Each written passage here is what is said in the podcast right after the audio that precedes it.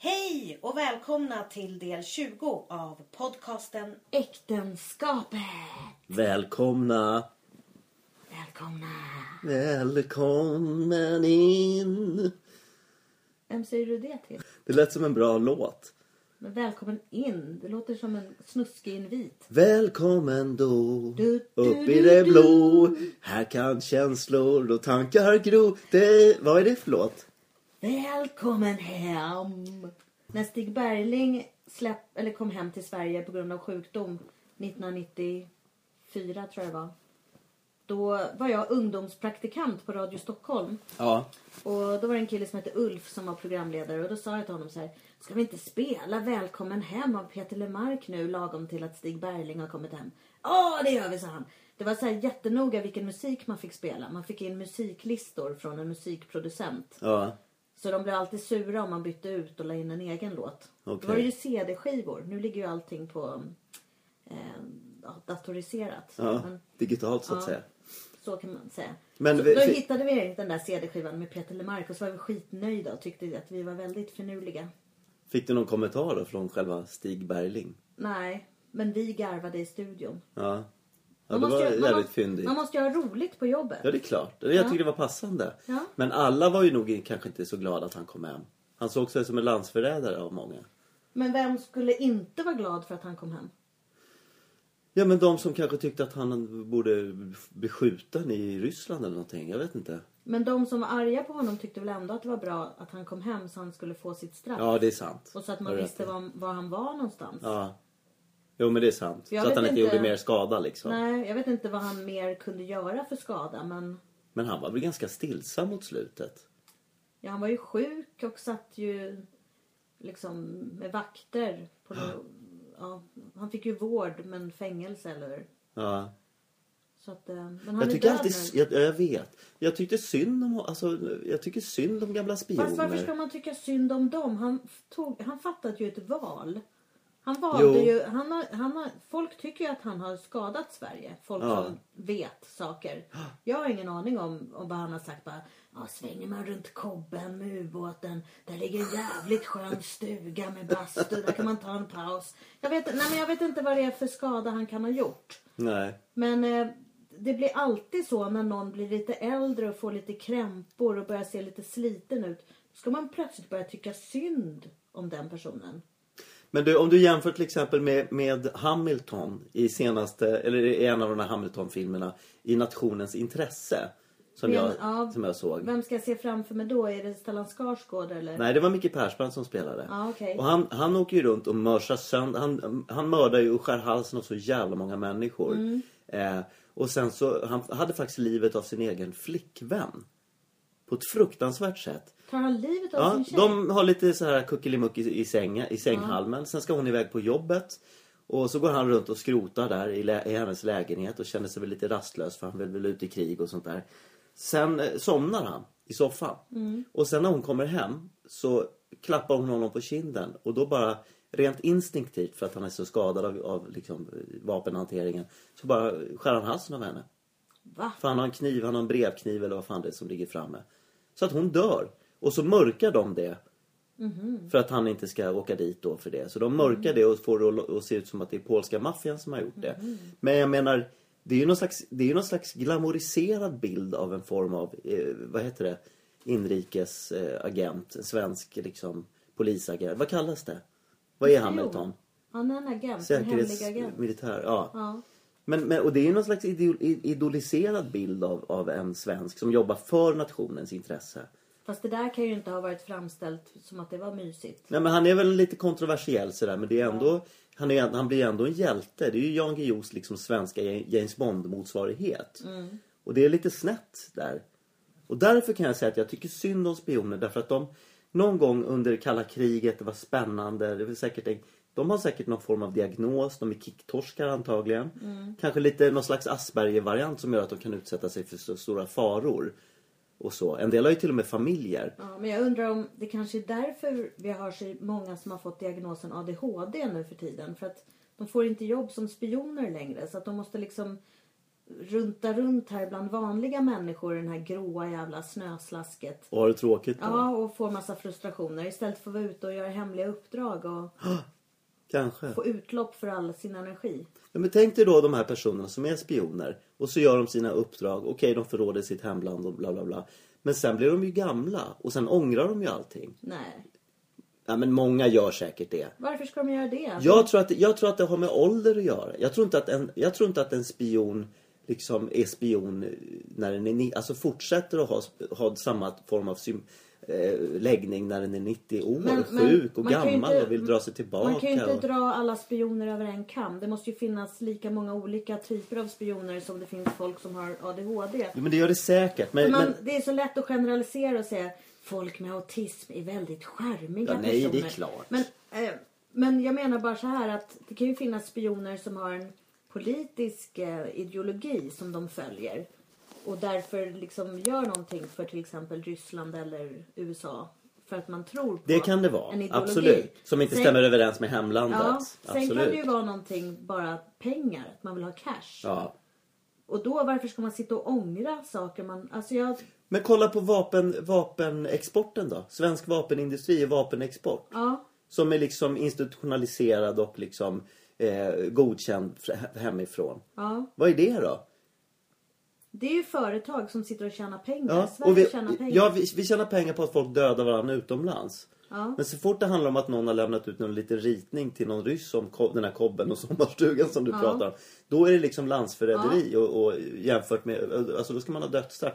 Jag, tycker, jag gillar inte det. Jag tycker det är jävligt snett alltså. Ja, ja, men den svenska vapenexporten är så förkastlig så det är inte klokt. Och att vi köper olja av, som du berättade Ja. häromdagen, att vi köper olja från Isis. Det är helt sjukt. Jag, jag träffar en man från Syrien på jobbet. Han är lärare så att han jobbar upp sitt språk. Eh, Det är jättebra så han gör praktik hos oss på vår skola. Och eh, han har ju flytt till Sverige på grund av Isis. De, han kunde inte bo kvar. Han är kristen syrian. Han kunde inte vara kvar. Eh, och han berättar ju då att alla har känt till i flera år i Mellanöstern att västvärlden köper billig olja från Isis. Ja. Men det, vi säger ju ingenting om det här. Nej. Jag förstår inte varför inte det är fler journalister som liksom slår upp. Det borde vara stora nyheter. Ja. Sverige och alla andra länder borde skä- skämmas. Som å ena stunden fördömer Isis och säger att det är en terrororganisation och terrorstat. Eller vad man ska säga att de är. Och sen köper man billig olja av dem. Ja. Och sen berättade han en annan grej som jag inte hade en aning om. Och det är att Isis älskar Nutella. Alltså jag trodde att jag hörde fel först. Jag, så här, Nutella, menar du chokladkräm? Ja, ja, ja. Alltså de, och det, det visar ju också hur galet det är att det är så många unga människor som är med i Isis. Som blir utrustade med vapen och eh, blir så här hårt drillade. Och så älskar de att sitta och slurpa i sig Nutella. Och då tänker jag, jag, i mitt huvud fick jag en bild av att från Isis går en pipeline till västvärlden med olja. Ja. Och sen åker i en annan pipeline till Isis åker Nutella. ja. Och det ser likadant ut. Ja, brun sörja åt båda hållen. Ja. Men man kanske kunde få stopp på Isis om man stryper tillförseln av Nutella. Kanske. Och så skickar man gröna kulor istället. Vadå för kul? Vadå för kul? Gröna kolor. Finska Pröva detta! marmeladkulor? Då är Ja. det ingen som kommer vilja kriga med. Nej, det är möjligt. Eller så skickar man mandelkubb.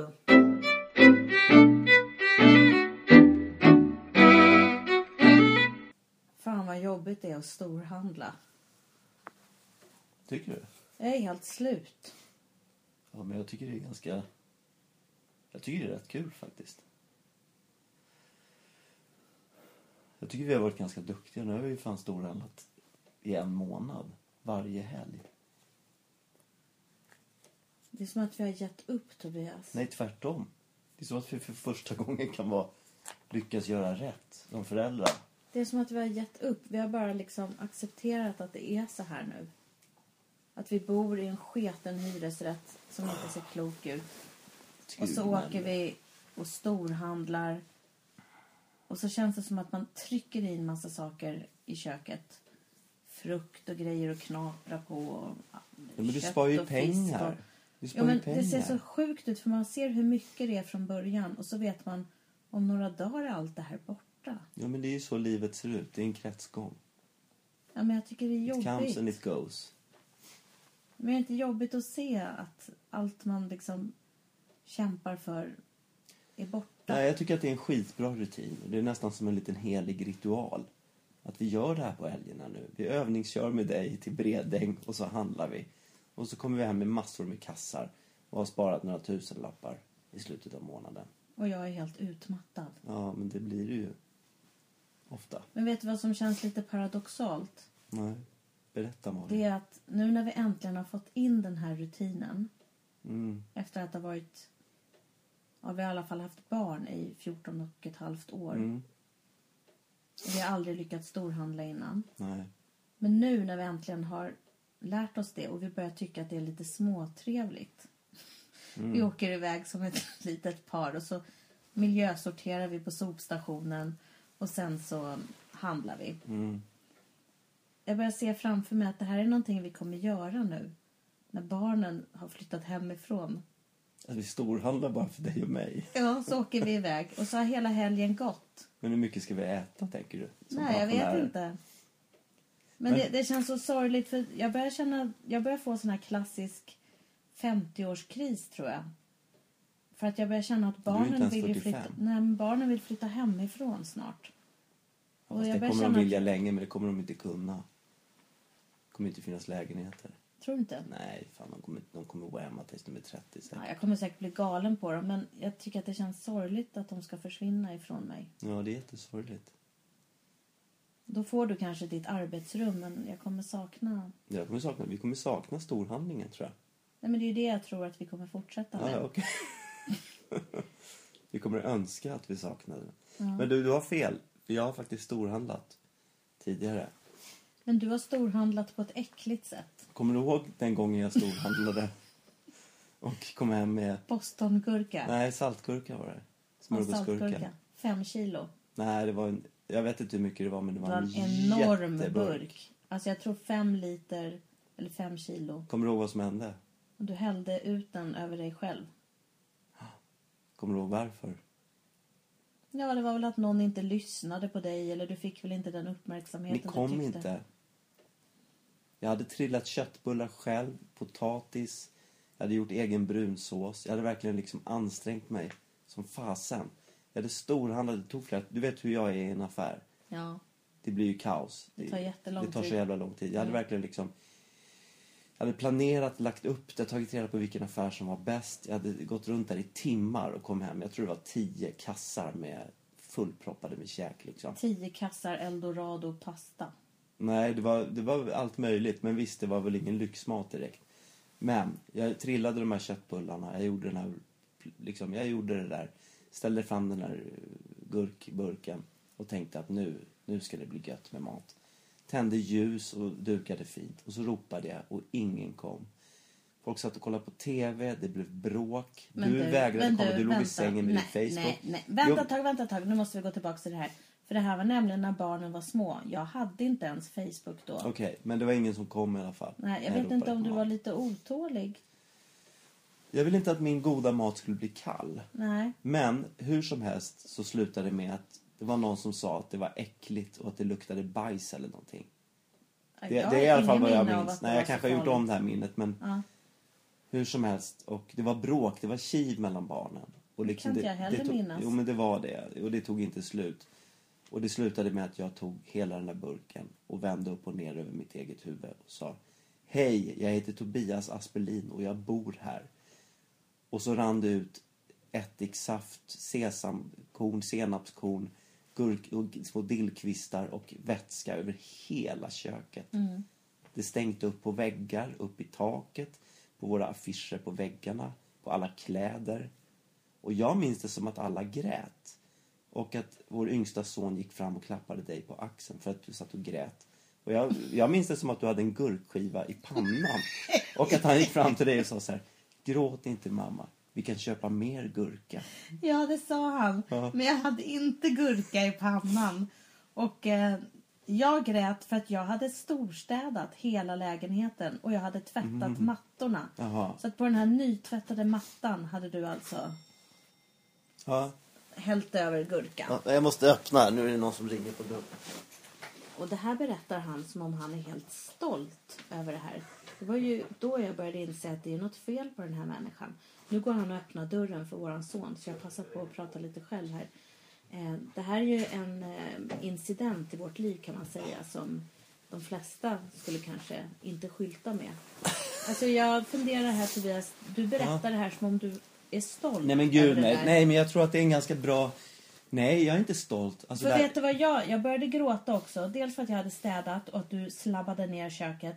Och också för att vår lilla dotter som satt där eh, med sitt lilla fjuniga babyhår på huvudet. Hon var väl ett eller ett och ett halvt år.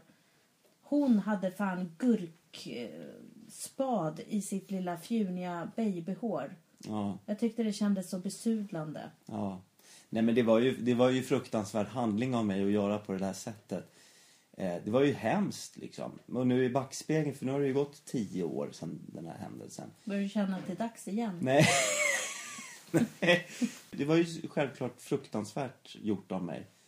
Men ja, jag var jävligt pressad under den här perioden. Och Men tänkte du inte så här att häller du ut fem kilo smörgåsgurka så blir det ännu mer att göra? Du blir ännu mer pressad. Nej, det är klart jag inte tänkte på det för då skulle jag inte ha gjort det. Men Tänker du jag- så innan du gör konstiga irrationella handlingar? Nej, men alltså... Jag, Nu ska vi se vad som händer Nej, jag skriker extra Men jag vill minnas att det var ungefär vid i den perioden som jag också blev så arg vid något tillfälle så att jag hade sparkade hål i väggen ja, i hallen. Ja, Men det var för att du hade, du hade ju upparbetat ett sånt, så mycket sjuka grejer så jag kände jag måste göra något för att toppa det här. Nej, Annars du kan ju inte skylla på mig. Men jag hade aldrig gjort det om inte det där med smörgåsgurkan hade hänt. Tror du inte? Lite innan. Nej.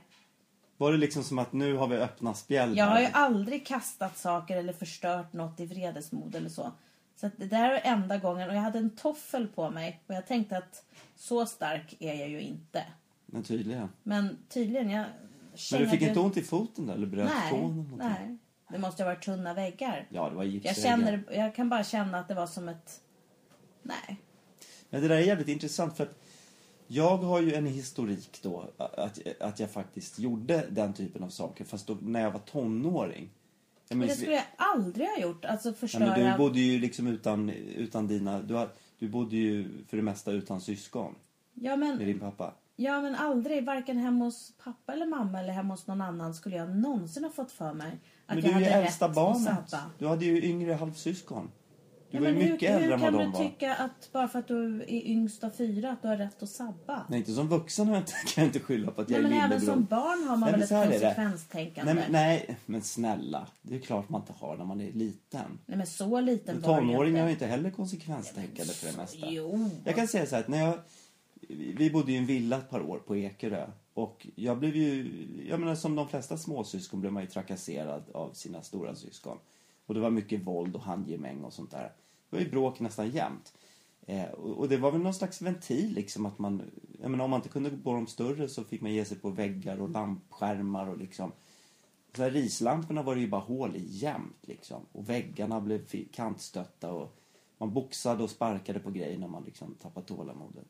Men Jag har ju- Tobias, jag har ju- Tobias, du får det låta som att det är helt normalt. Jag tror att det är så kanske i de flesta barnfamiljer där det är stökigt liksom, och lite rörigt. Att man boxar på grejer och förstör. Ja, det är klart. Nej, men Tobias, jag tror att du har helt sjuk verklighetsuppfattning. Ja, det är möjligt.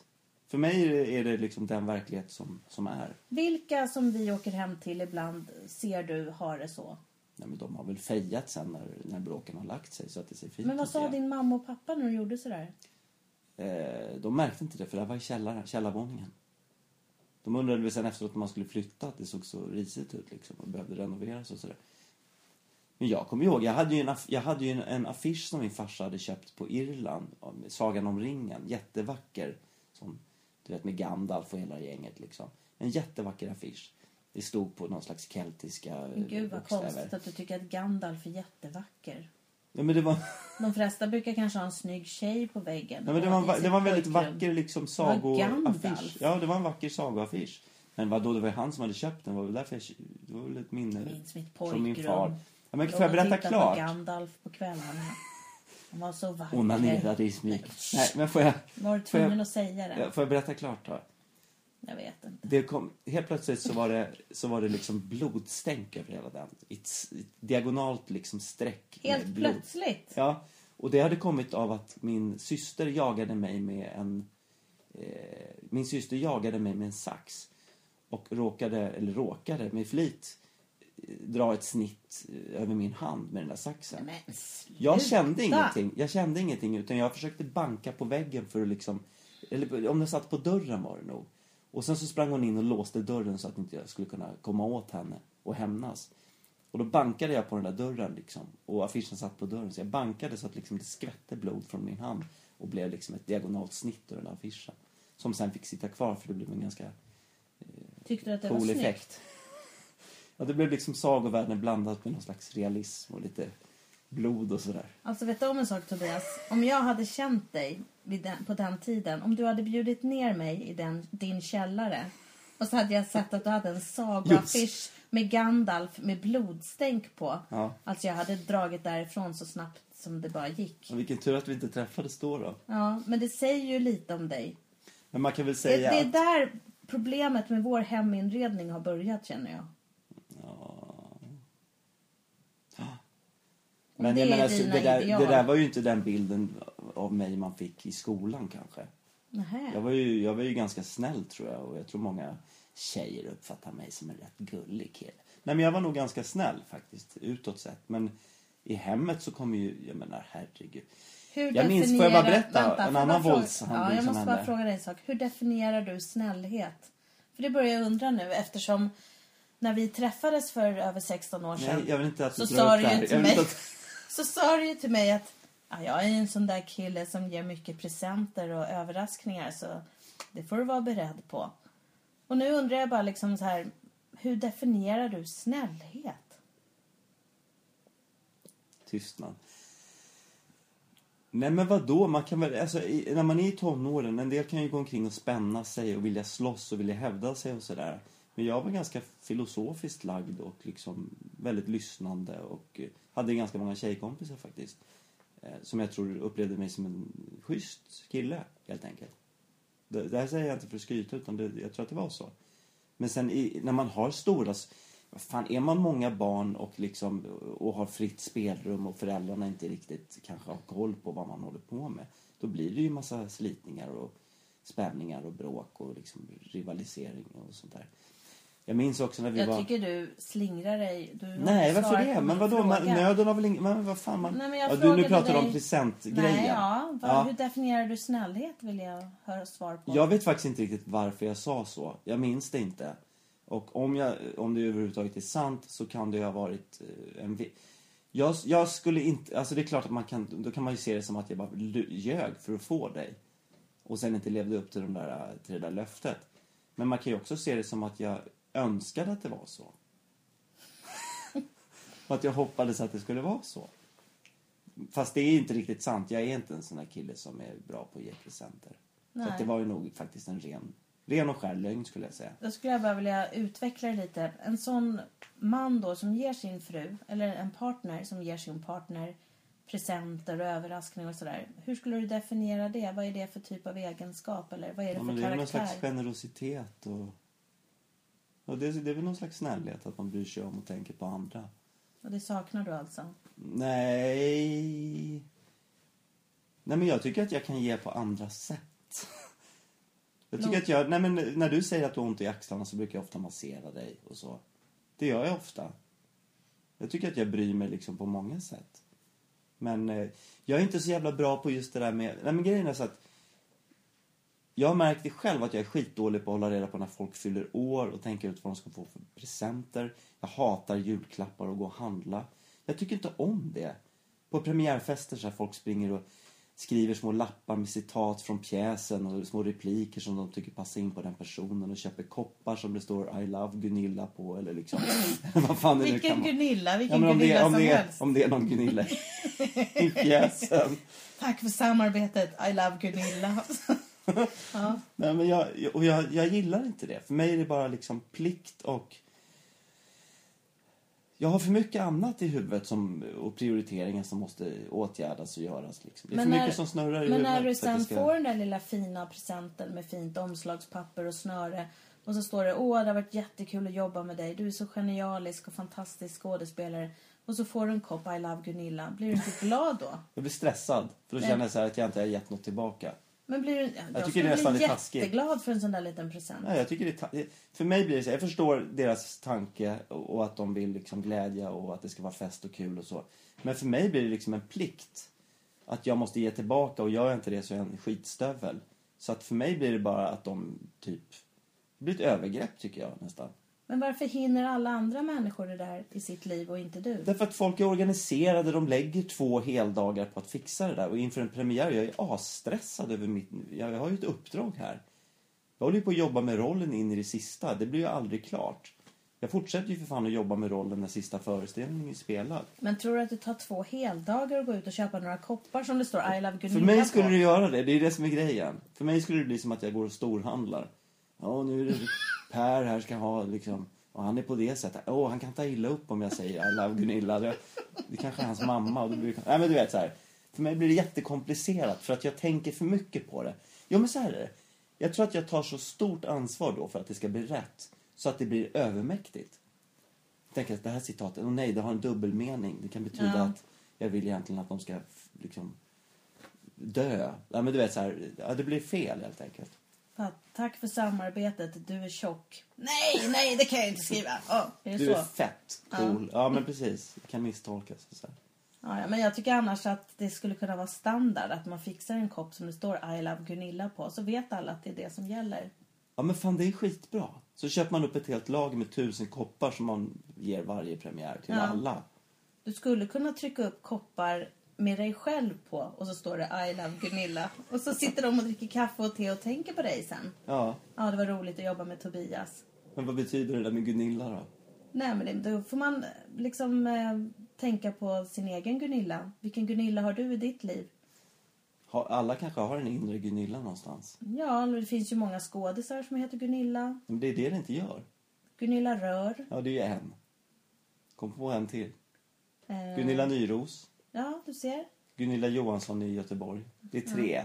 Heter hon Gunilla Johansson i Göteborg? Vad jobbigt om hon flyttar. I love Gunilla Johansson i Göteborg. Men nu bor hon i Lappland.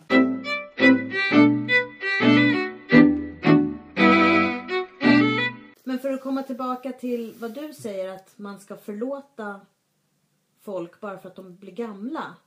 Så är ju, det håller inte jag med om. Bara, häromdagen hade de ju en, eh, en av de sista rättegångarna mot eh, nazister som var med i Auschwitz. Det var ju någon gubbe i Tyskland som var 94 år nu som ställdes inför rätta.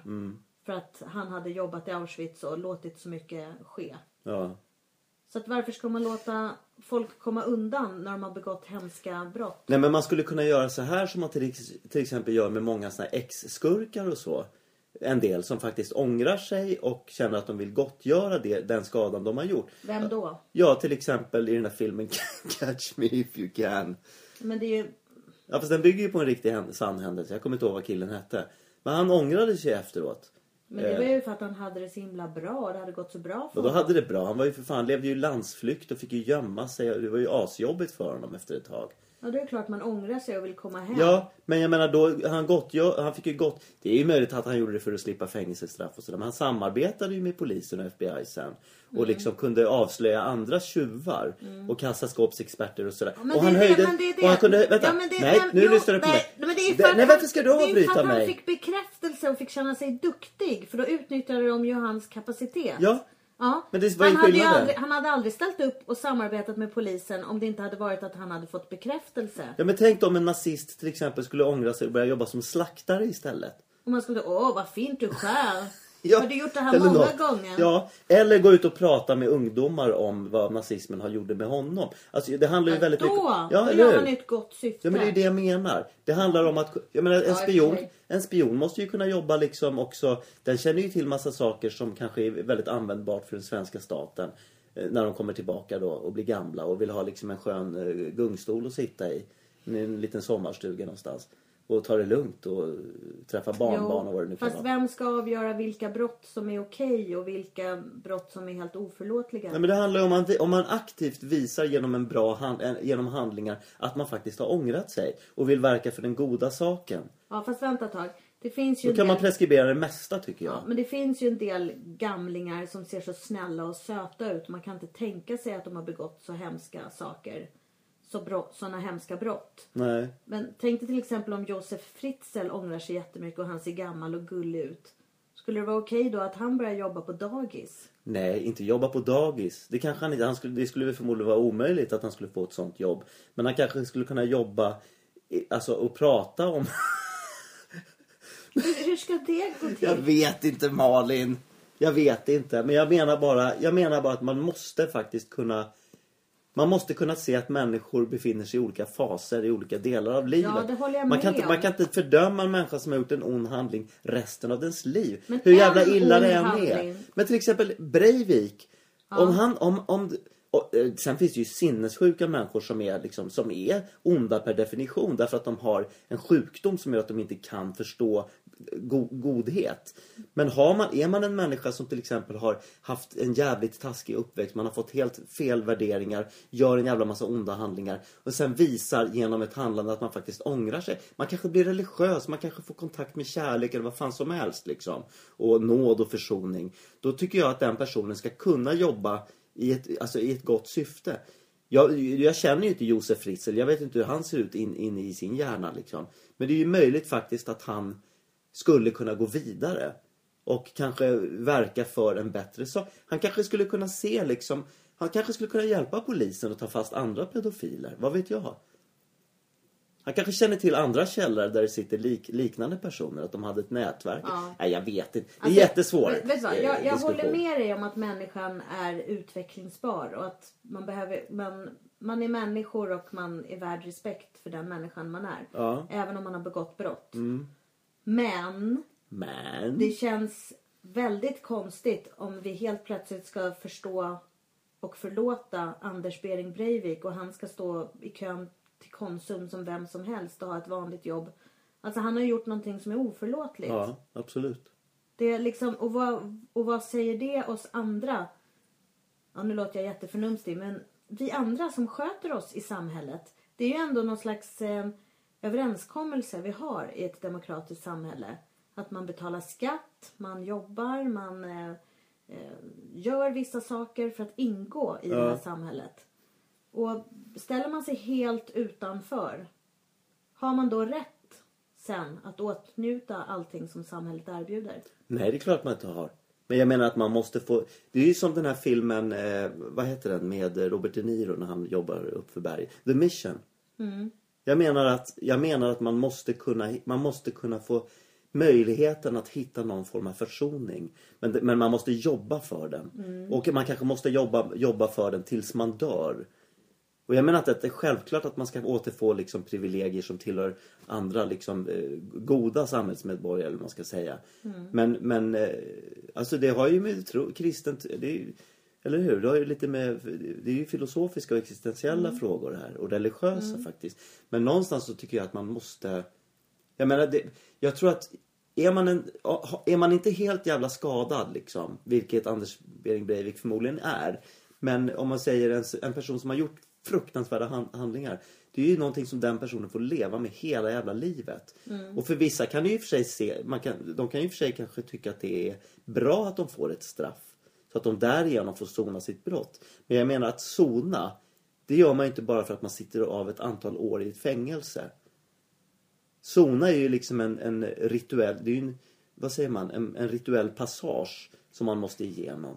Som har med att man måste brottas med sig själv. Ja, men det är väl inte säkert att alla har gjort det. Om de har suttit av ett straff i fängelset och sen kommer ut. Då kanske de inte har sonat sitt brott. De har suttit av tiden och de kanske inte ångrar sig och de kanske liksom inte Nej har men det är det jag förändrats. menar. Det är det jag menar. Du pratar ju om att de, de pers, personerna som har gjort viss, ett visst ett visst on, ondskefullt brott ska, ska liksom låsas in för resten av livet och Nej, inte åtnjuta samma inte. privilegier som oss inte. andra. Nej. Jag men- menar att deras straff sitter inuti dem själva. Ja, men inte om de inte känner det. Nej, inte om de inte känner det. Nej. det är klart. Och sen så tycker jag att man ska inte heller kunna fejka att man ångrar sig. Bara för att få ett lindrigare straff. Men hur ska få... man veta det och Ja, det, mäta det, det? det vet jag inte. Men jag menar att försoning är någonting eh, fantastiskt. Och som alla på något sätt behöver, tror jag. Oavsett vad man har gjort. Jo. En del skäms ju oerhört för att de har liksom tagit en ostskiva för mycket hemma. Mm. Eh, och och för, det, för, då, för dem blir det något fruktansvärt. Och för andra kanske det liksom handlar om att försöka, ett, ett försök att utplåna hela mänskligheten. Men det, där, det ligger ju på individnivå någonstans. Mm. Får jag bara fråga, vad är det värsta du har gjort? Oj, det vet jag inte. Eh, jag- har ett jättestarkt minne av när jag var sju åtta år någon gång och jag hittade en skalbagge som jag tryckte på magen med en sten så att inälvorna åkte ut ur både magen och stjärten. Och Ja. det ångrade jag väldigt mycket. Jag tyckte att det var väldigt dumt gjort. Det har den bilden väldigt hårt kvar inom mig. Har, har, du, har du fått försoning för det här? Har du sonat det här brottet? Det vet jag. har ju ångrat mig väldigt mycket. Men genom, ja ångrat, har du liksom genom en inte- handling Jag har liksom inte gått med ett kors på ryggen och gått på knäna så att de har blivit blodiga med en bindel för ögonen och skrikit ah, jag är syndare. Har, men har du hjälpt gjort. andra skalbaggar i livet? Ja, det har jag. Har du det? Ja, jag är väldigt djurvän. Så. Har du liksom vänt en skalbagge som ligger på rygg till Ja. exempel och sagt uh, ha en bra färd Nej, jag har inte livet? snackat så mycket. Okej. Nej, men det är sådär, jag, jag tycker inte om att prata så mycket om det. Men det var som nu när våran son konfirmerade sig. Så var det så många som skulle fram och ta nattvarden sen. Ja. För mig blir det så här att man ska fram och showa. Jag vill sitta med någon slags känsla.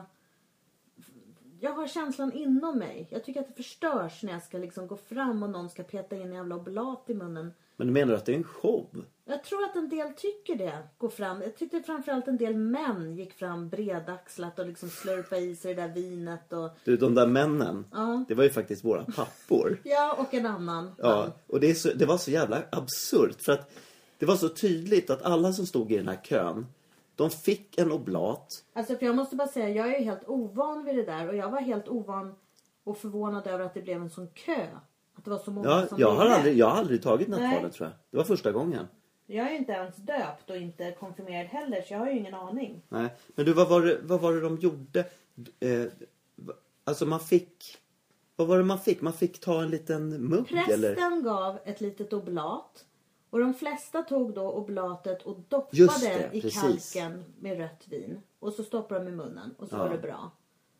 Men våra pappor gick fram som små bebisar och stoppade i sig oblaten och sen skulle de dricka direkt ur kalken och slurpa. Ja, precis.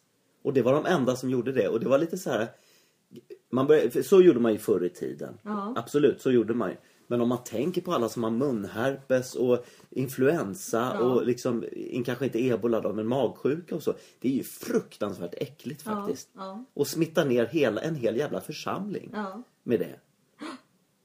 Det är som att alla skulle gå i badhuset och dricka vatten, vattnet från bassängen liksom. Eller inte slicka väggarna i ett Inte omklädnings... riktigt, va? Slicka golvet i ett omklädningsrum Jag liksom. tycker inte den där liknelsen blev så bra Tobias. Nej men det, det är ju lite märkligt. Och att de gjorde det trots att de såg att alla andra inte gjorde det som var före dem i kön. Ja. Och prästerna ti- tittar ju på dem med jättekonstiga ögon liksom. Ja, och så slutade det med en lite yngre, väldigt macho man som avslutade det hela med att verkligen slurpa i sig det där rödvinet. Ja. Så det stänkte lite. Och lägga en jätterap efteråt. Nej, det gjorde han inte. Men han såg ut lite som någon matador på tjurfäktning. Alltså Ja. det var show. Jo men jag, där håller jag med om att det blev någon slags show. Därför att de visste att så här gör man inte längre i Svenska kyrkan. Ja, Ingen annan gjorde det. Men de ville visa att så här gör vi. Så här har vi lärt oss och det står vi för och det tänker vi aldrig släppa. Fast jag fick lite känslan av att det var vuxna män som ville släppa kontrollen och ville bli matade. Att det var lite som det där, Som folk som sätter på sig blöjor. Ja, det var som en nappflaska så här. Här, varsågod, gapa. Nu Ja, väljer jag." kanske. Ja, det var märkligt i alla fall. Ja. Va, det här har vi kommit fram till någonting? Det här blev en konstig utsvävning. En jättelång utsvävning. Ja. Ja. Vad, varför frågade du? Jag frågade vad du har gjort. Vad är det värsta du har gjort? Ja, och jag började prata om Stig Bergling. Ja, det var ju så började vi. Ja. Ja, men vad frågade du då? Nej, vi pratade om försoning. Nej, det var inte så vi började Tobias. Jag kommer inte ihåg. Du frågade vad har du gjort den senaste veckan? Ja, just det. varför började jag prata om Stig Bergling då? Därför att du pratade om eh, musik. Jo, välkommen. Vi började med att sjunga. Ja, Välkommen, till Okej. programmet. Välkommen hem. Och så berättade du om när du jobbar på radion. Ja. Skulle du vilja jobba på radion igen? ja, det är väldigt roligt. Men när jag jobbade som ungdomspraktikant på Radio Stockholm då var det så mycket nedskärningar och folk fick sparken och det var ganska dålig stämning. Ja, Så då kommer jag ihåg att jag kände det här, jag kan aldrig satsa på det här. Så här kan man inte ha det på ett jobb. nej. Att man får sparken hela tiden. Eh, Så att då läste jag, då sökte jag till lärarhögskolan istället. Men jag fattar inte varför du inte... För jag tycker du är väldigt bra på att liksom prata och intervjua folk och liksom så sammanfatta. Och, men du har ju den där strukturen på något sätt. Jag tycker du skulle, du skulle vara en fantastisk journalist. Jag fattar inte varför du inte har sö- Varför sökte du aldrig radioproducentlinjen på DI till exempel? Nej, jag vet inte. Jag tror inte att jag trodde att, jag, att det var något för mig. Jag vet inte. Vi har, ju prat, vi har pratat om det här ganska mycket den senaste tiden. Det här med att varför man inte gör det som man skulle passa för. Eller det som man är bra på till exempel. Eller hur? Vi har pratat om det. Men jag tror både du och jag vet att vi har vissa talanger. Ja. Att vi är duktiga på vissa saker och att man har fått uppskattning för att man har varit duktig på vissa saker. Ja. Och sen sitter man nu som vuxen och undrar varför blev jag inte mer framgångsrik just på de områdena? Ja. Och jag har en teori och jag tror att om man har det för lätt för sig när man är liten. Eh, fast jag vet inte, det kanske inte gick så bra för dig i skolan. Men du Nej, fick, det men du fick ju ändå uppskattning liksom inom vissa områden. ja, absolut. Men jag kan känna att jag fick jättemycket uppskattning på musiken och idrotten och alla ämnen gick bra. Så att jag trodde att livet var en räkmacka. Ja. Och så när jag kom till gymnasiet så upptäckte jag oj, folk jobbar för sina betyg. Ja. Och det gör inte jag och nu räcker det inte riktigt. Nu måste jag liksom börja jobba. Där fick jag någon så här liten grej att jag inte riktigt vågade satsa. Men du, du, gick, men, jo, men du gick ju en teaterskola till exempel. Teater och musik och sådär. Och sen Mm. sökte du ju till den här folkhögskolan som, du inte, som var jättestenhård konkurrens. En av de bästa i Sverige. Mm, jag sökte Svalövs folkhögskola. Och så kom du in, musik. du kom väl nästan in?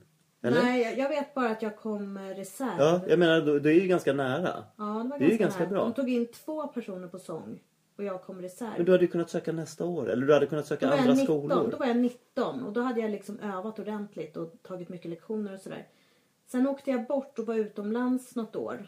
Och sen kom jag tillbaka och sökte igen och då var jag inte förberedd och åkte bara Aha. ner och tramsade. Och liksom, Okej. eh, jag tycker inte att jag gjorde bra, bra- bra ifrån mig. Varför tramsade du?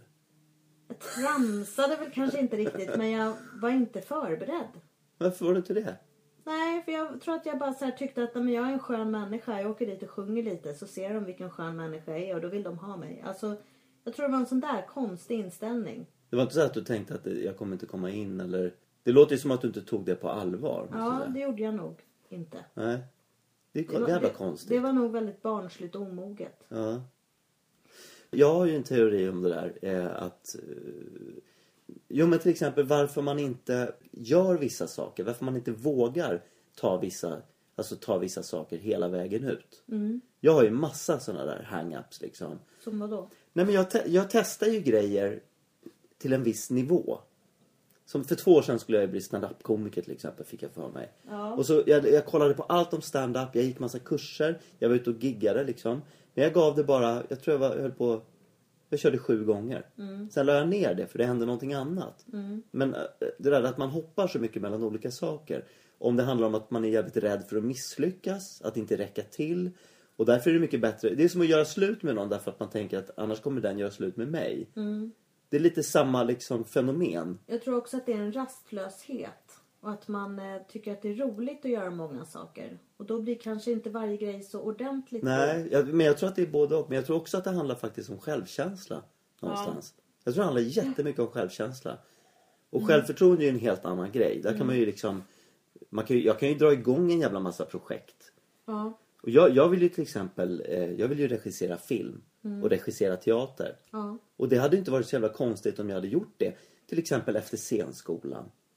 Bara, bara dra igång ett gäng och liksom boka en lokal eller liksom, du vet, vara med i någon ungdomssatsning där de satsar pengar. Det finns ju massa möjligheter när man är ung att få utveckla saker och testa saker. Fast det är ju ännu mindre konstigt om du gör det nu när du har så mycket erfarenhet. Jag vet. Men det är någon spärr jag har som gör att jag inte, att jag inte gör det liksom. Men det handlar väl om att hitta rätt sammanhang också och rätt tillfälle. Ja, jo men jag har ju haft tusentals sammanhang. Där, jag hade, där jag har jobbat, där jag har haft liksom långa kontrakt på teatrar. Mm. Och jag har ju satt upp egna grejer. Alltså jag har ju dragit igång egna projekt där jag varit skådespelare. Ja. Och initierat projekt liksom och tagit in andra regissörer. Men jag har aldrig tagit den där drömmen på allvar.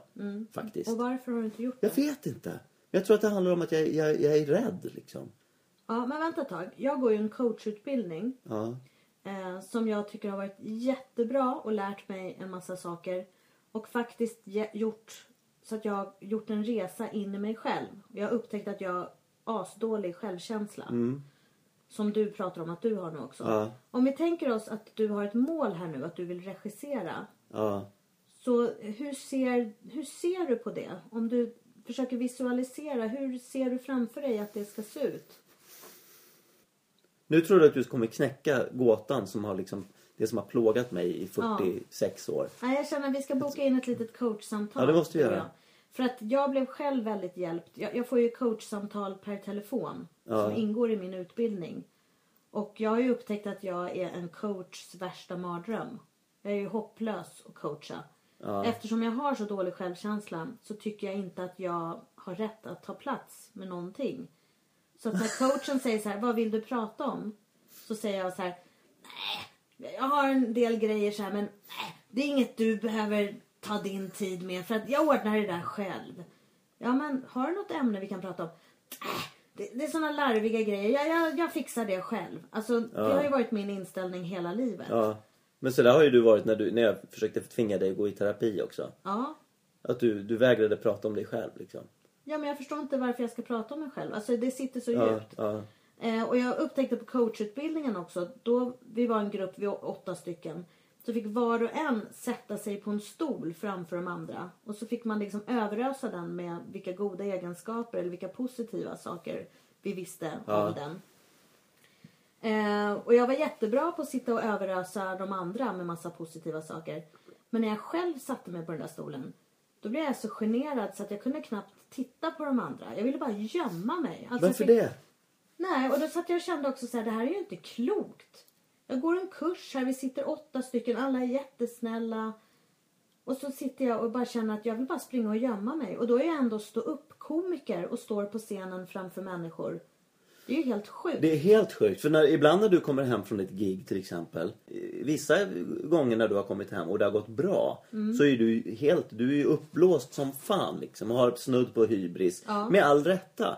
För det har gått jättebra och folk har kommit fram till dig och sagt du var bäst ikväll och sånt där. Då är du jättehög och det har du inget svårt att ta till dig.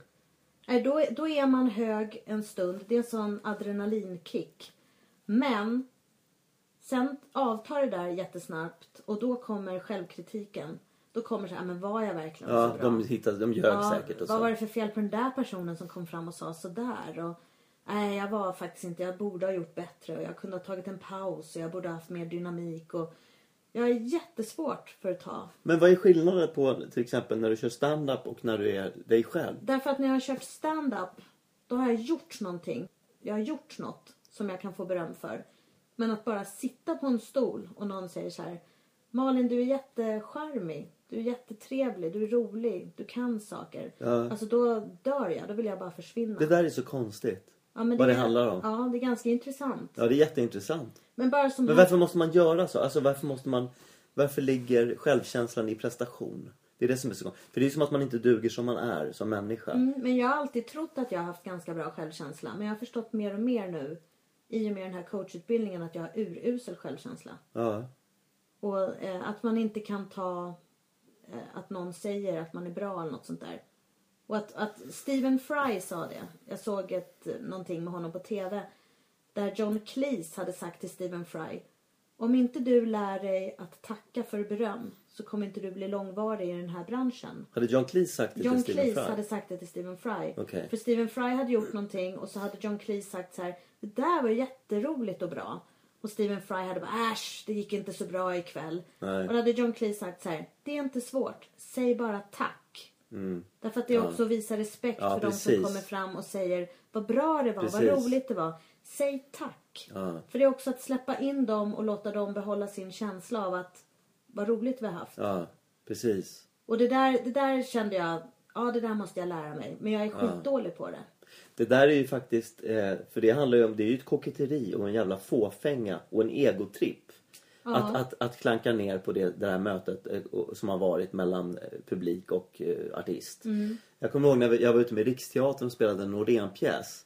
Tillsammans med Ivar Wiklander och Michalis Kutsojanakis. Jag var så, jag var så jävla självkritisk. Varenda, varenda föreställning. Så jag var så jävla jag fick inte till den där repliken. Eller liksom shit fan. Och, och då sa Ivar Wiklander, den gamla räven, sa så här. Tobias, vet du vad? Det sitter folk där ute som har betalat dyra pengar för biljetten. De har fixat barnvakt, de har klätt upp sig. De har ett helt eget liv. De kanske ligger i skilsmässa eller någonting. Vi kanske har gett dem liksom en upplevelse som gör att deras liv förändras. Det vet vi inte. Eller bara underhållning för en timme. Men det är förmätet att, att, att göra sådär efteråt och säga shit, jag fick inte till det. Sådär. Vi är här för publiken. Och det där var faktiskt jävligt bra sagt. Och det där är någonting som jag tänker på nu varje gång. att det är de som är, det är de som är viktiga. Det är deras känslor och deras reaktioner och deras upplevelser. För det är de som betalar liksom. Och det är inte så intressant om jag mår bra med min prestation den här kvällen eller inte. Det, kan man, det, det får man liksom, man får lägga det på en annan nivå och tänka så här, ja, men det här man får se det som en positiv eh, reaktion från en själv då om man är negativ. Alltså att, att man gör om det till någonting, ja men det här kan jag slipa på till nästa gång och så här. Men det där att klanka ner på sig själv, det är jävligt egotrippat. Men är inte det också att istället för att älta, att försöka se framåt? Jo. Att försöka, vad får jag med mig från det här idag? Jag missade lite där, eller jag kan vara lite tydligare där. Att man ser, precis som du sa, positivt att det är något man för med sig som är Ja, utvecklande. och det är lite som Nelson Mandela har sagt också att vi måste låta vårt ljus lysa så starkt vi bara kan.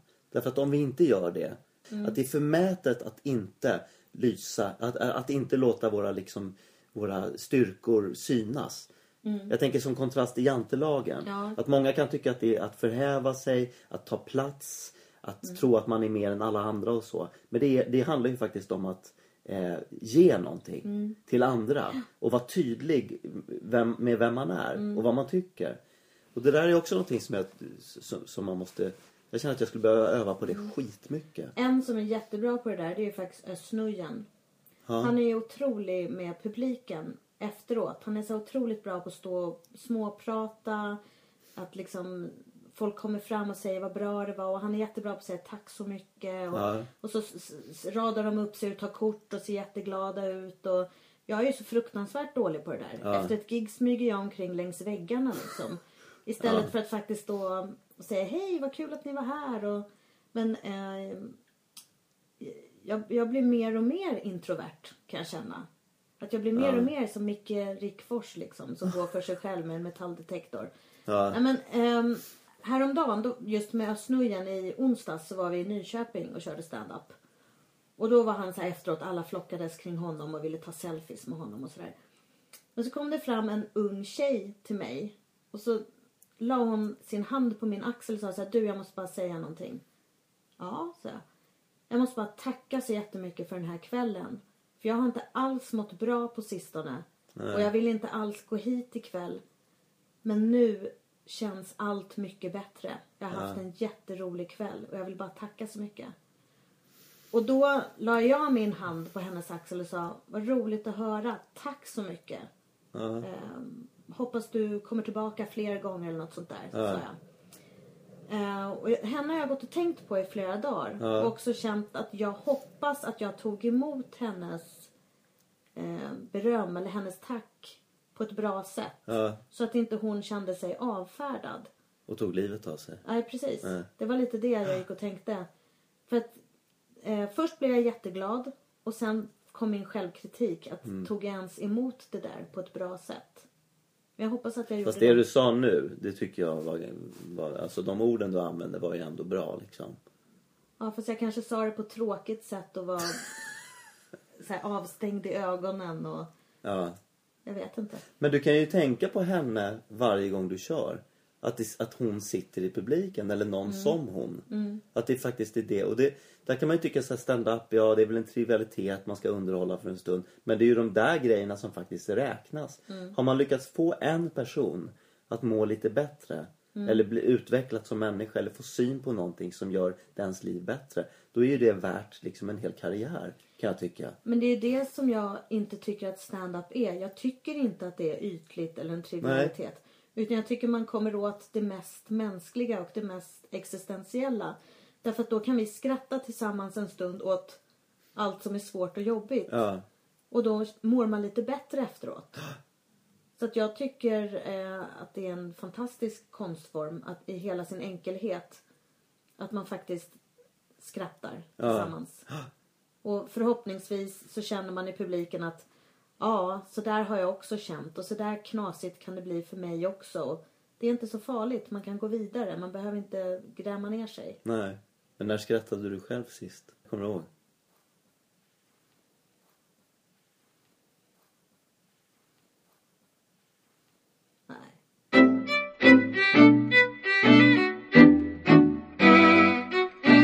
Senaste gången jag skrattade det var faktiskt igår. Eller förutom nu de här falska skratten som jag lägger in då och då. Men det var med min, vår yngsta son och spela badminton.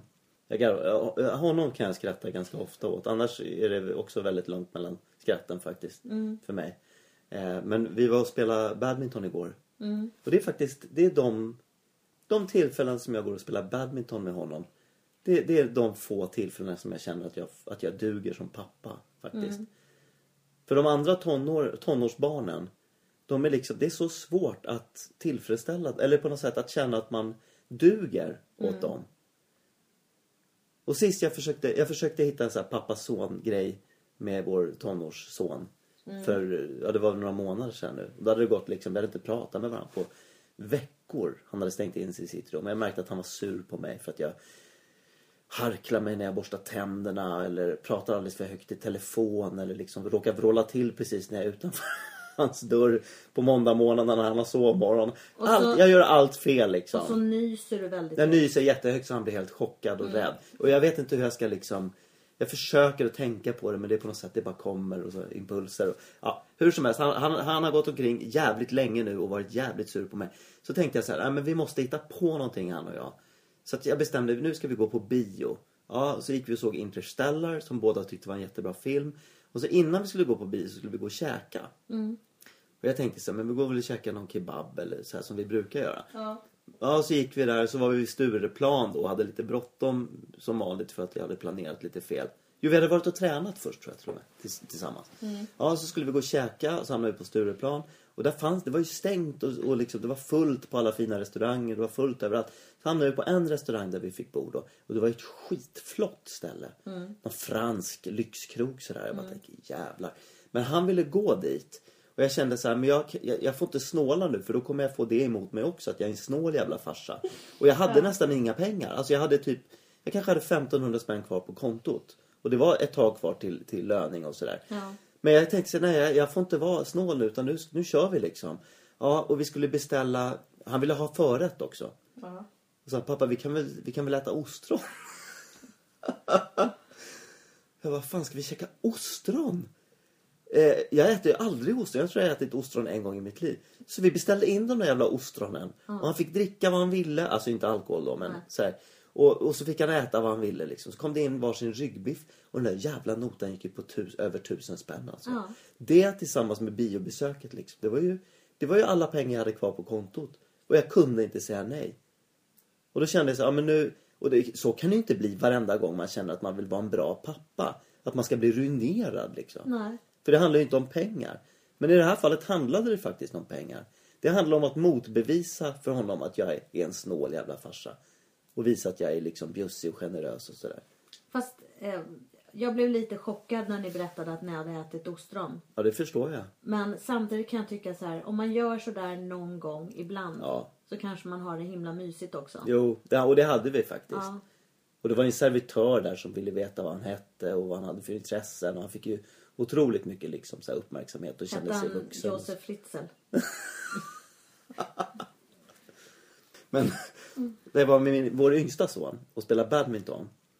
Och det finns ju, jag har ju någon slags egen agenda med det där. Att jag, Känn, känner du inte att du sa det här alldeles nej nyss? men jag är inte klar. Därför att jag vill ju få honom att bli en bra badmintonspelare så att jag får en bra eh, sparringpartner. Ja. För jag har ju inte så många egna kompisar nu för tiden. Eh, och, och då tänker jag så här, och jag gillar ju att träna. Ja. Tänker jag så här, om jag uppfostrar honom nu och tränar honom så att han blir en skitbra sparringpartner. Då kommer ju det hjälpa mig i mitt åldrande sen. Förstår du? Det är, det är en liten del Vad menar du med att det ska hjälpa dig i ditt åldrande? Jo men att jag håller, att jag håller formen och liksom motionen och rörligheten och så. Och badminton är kul och så. Men i alla fall, ja så hade vi spelat och det var kul och han, har- han har blivit jätteduktig och sådär. Och bollen går över hela tiden och så. Sen skulle vi duscha. Han gillar ju inte att duscha offentligt sådär. För han är ju rädd för nakna gubbar och så. Ja. Så att jag duschade och han klädde långsamt på sig. Och sen så hade jag lite hår, hårgelé. Och då ville han låna av min hårgelé. Eh, och då sa jag så här, ja. Eh, det är lite kladdigt. Det, här är, det är en bra hårgelé men den, den blir lite kladdig efteråt. Så här. Men vill man vara fin får man lida pin. Och då sa han så här, ja. Eller så kan man visa sin penis.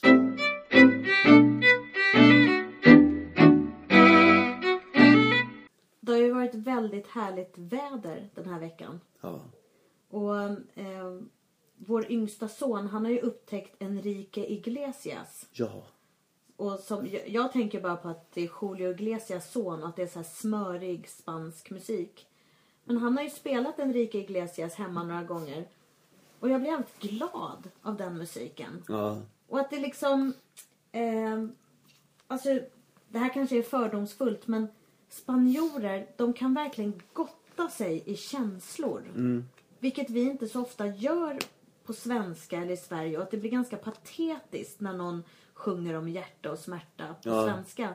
Men på spanska funkar det. Ja. Man kan ju liksom utan att skämmas där sjunga om hur det smärtar när man ser sin kärlek gå förbi eller Ja.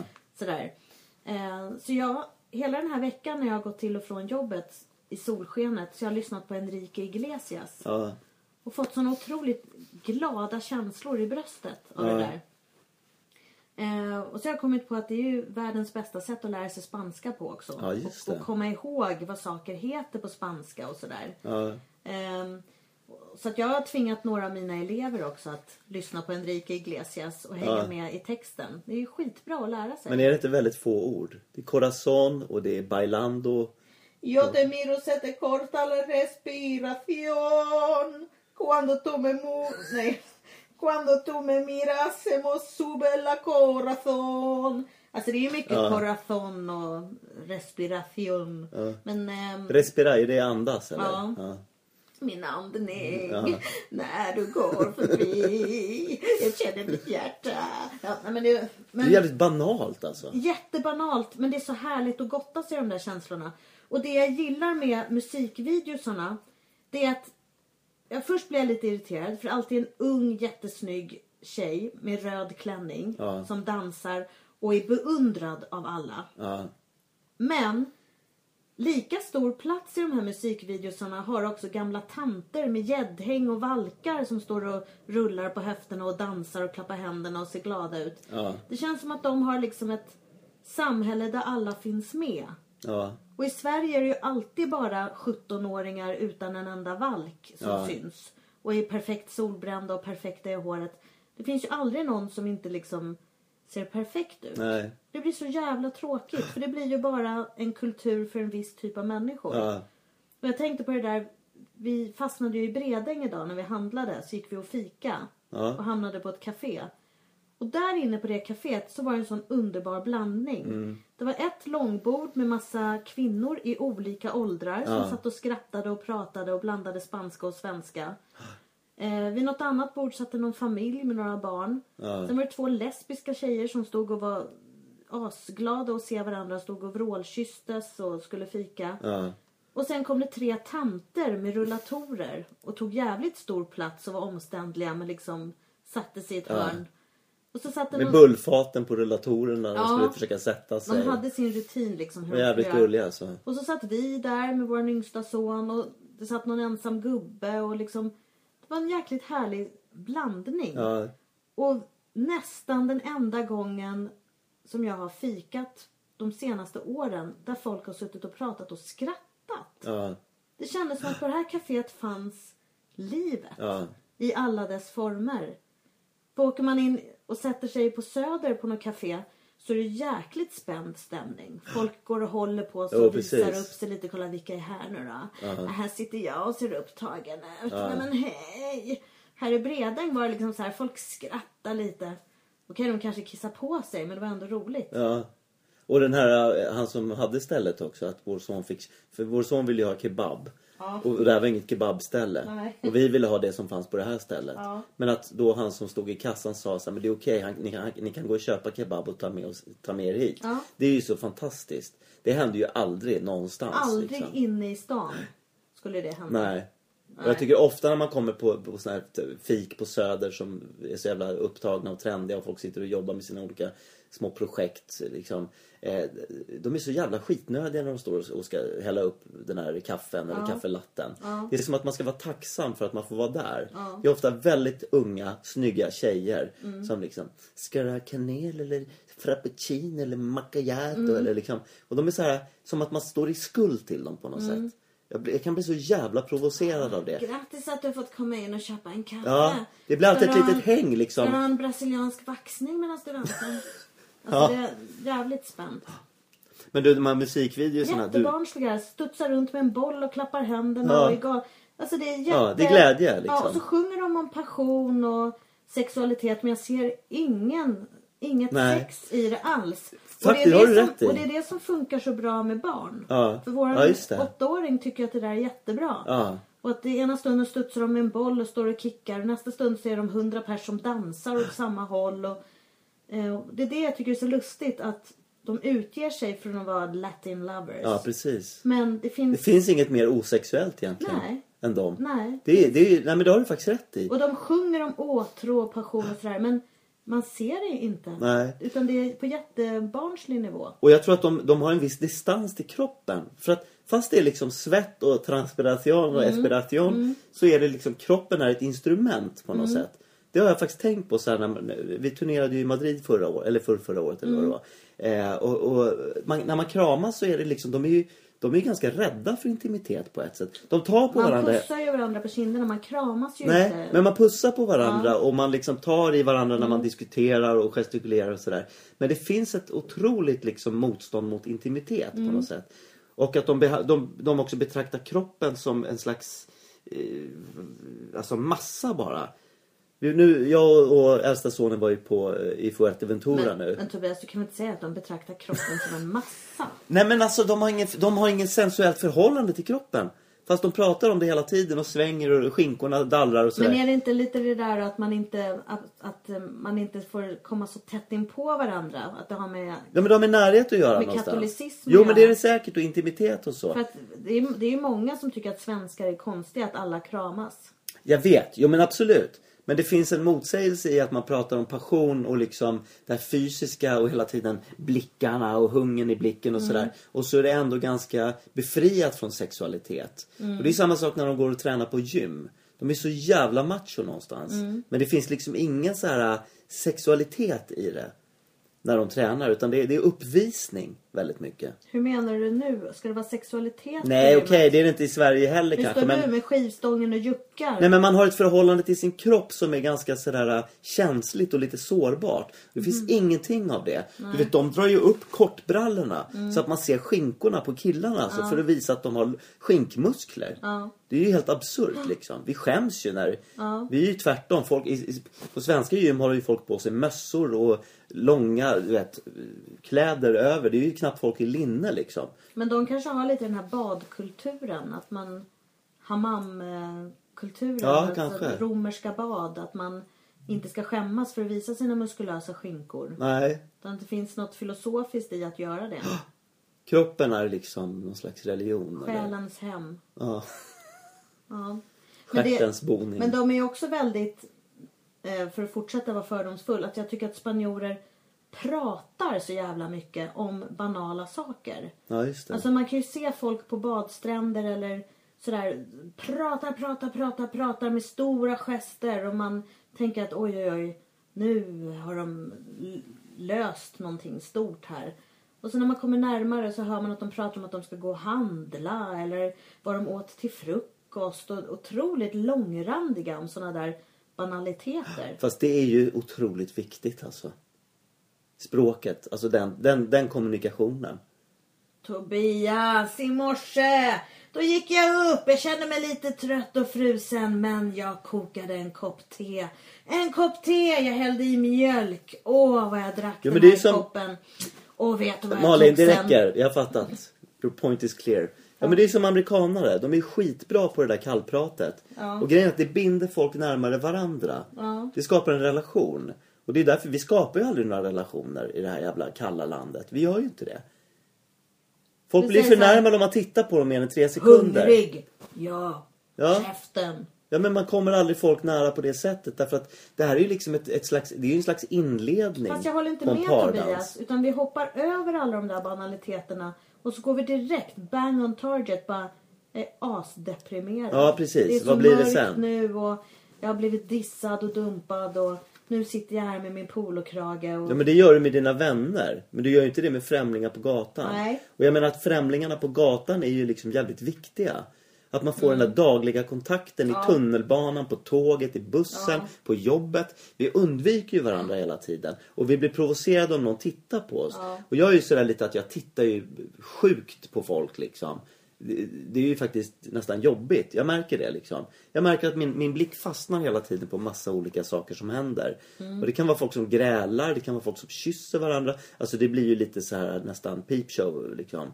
Fast för mig är det att jag tar in hela tiden och tänker och reflekterar och det kanske har lite med mitt skrivande att göra eller att jag är skådespelare och studerar folk liksom. Men jag märker att folk blir så fruktansvärt provocerade och tittar så här på mig som att tittar du hit en gång till så får du en smäll. Men det, det är någonting konstigt med vårt sätt att kommunicera. Liksom. Att vi inte kan förhålla oss. Och det är därför barn är så fantastiska. Därför deras ögon fastnar på det som de intresserar dem. Liksom. Och, men- därför är det mycket roligare ju när man åker till London eller Paris eller sådär, Madrid. Folk tittar på varandra och tar in varandra. Ja. Det är jäkligt härligt. Och det, det, det gör ju också att folk inte är ensamma. Därför att även om man bor själv i en liten lägenhet och ens familj är borta eller mannen har dött eller frun eller har skilt. Alltså, så finns det hela tiden en omvärld där man kommunicerar och får vara en del av den gemenskapen. Jag kan säga så här nu, nu när jag sitter, jag sitter ju och skriver nu. Eh, på ett kontor liksom. Eh, och sitter där eh, långa dagar och skriver. Och ibland är det inga människor på det där kontoret. Det är så frilansställe så ibland är folk borta och jobbar med annat och sådär. Det kan ju gå många, många dagar utan att jag pratar med någon människa förrän jag kommer hem. Och, och om man då inte får prata med folk på bussen eller tunnelbanan eller på gatan liksom. Eller när man går och kä- käkar lunch eller sådär. Det blir ju jävligt lonely alltså. Man blir ju frukt, man blir ju sjuk i huvudet alltså. Helt personlighetsförändrad. Men menar du vadå personlighetsförändrad? Jo men om man inte pratar med någon. Det blir som att man sitter inspärrad liksom i, i ett eh, syrianskt fängelse. Det är ju terror att inte få prata med någon. Det är ju därför jag, när vi sitter sen och kollar på en film på TV. Det är ju därför jag dissekerar din filmupplevelse. För jag vill ju prata Ja. med dig. Jag vill ju kommunicera. Och så blir det så här maniskt jobbigt liksom. för att jag inte har pratat. Min mun är ju helt torr för fan. Men kan du inte se till att du har pratat innan vi kollar på film nästa gång? Men vem då? Ställ dig på Sergels torg och ropa att du har träffat Jesus. Då får du säkert någon du kan prata med.